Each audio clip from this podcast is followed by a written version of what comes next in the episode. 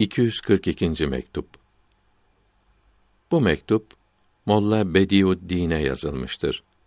Zikri zat ve zikri nefyü ispat bildirilmektedir.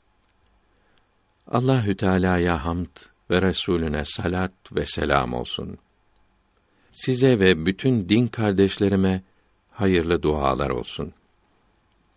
Kıymetli kardeşim, Derviş Muhammed şerefli mektubunuzu getirdi. Bizleri sevindirdi. Kendinizi kusurlu gördüğünüzü ve niyetlerinizi ve ibadetlerinizi beğenmediğinizi yazıyorsunuz.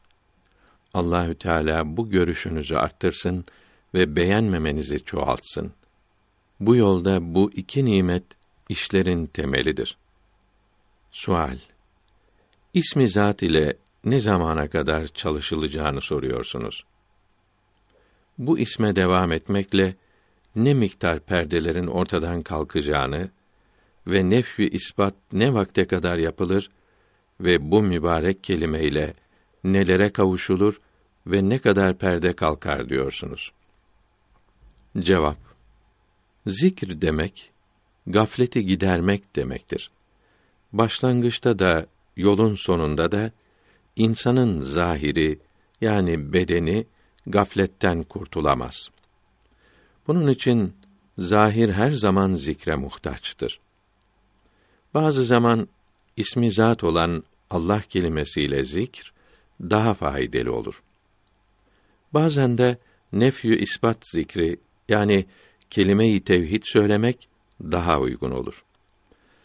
Batına yani kalbe gelince burada da gaflet büsbütün gidinceye kadar zikretmek elbette lazımdır. Şu kadar var ki başlangıçta herkesin bu iki zikre devam etmesi lazımdır. Yolun ortasında ve sonunda bu iki zikr şart değildir. Kur'an-ı Kerim okumakla ve namaz kılmakla da gaflet giderilebilirse bunlarla da olur. Yolda olanlara Kur'an-ı Kerim okumak, sonda olanlara ise nafile namazları kılmak daha uygundur.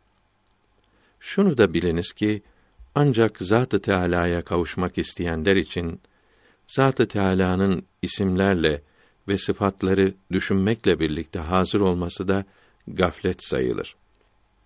Bu gafleti yok etmeleri lazımdır. Ötelerin ötesine ilerlemelidirler. Farisi Beyt tercümesi Dost ayrılığı az olsa da az değildir. Gözde kıl parçası da olsa çok görünür. Rüyaları yazmışsınız.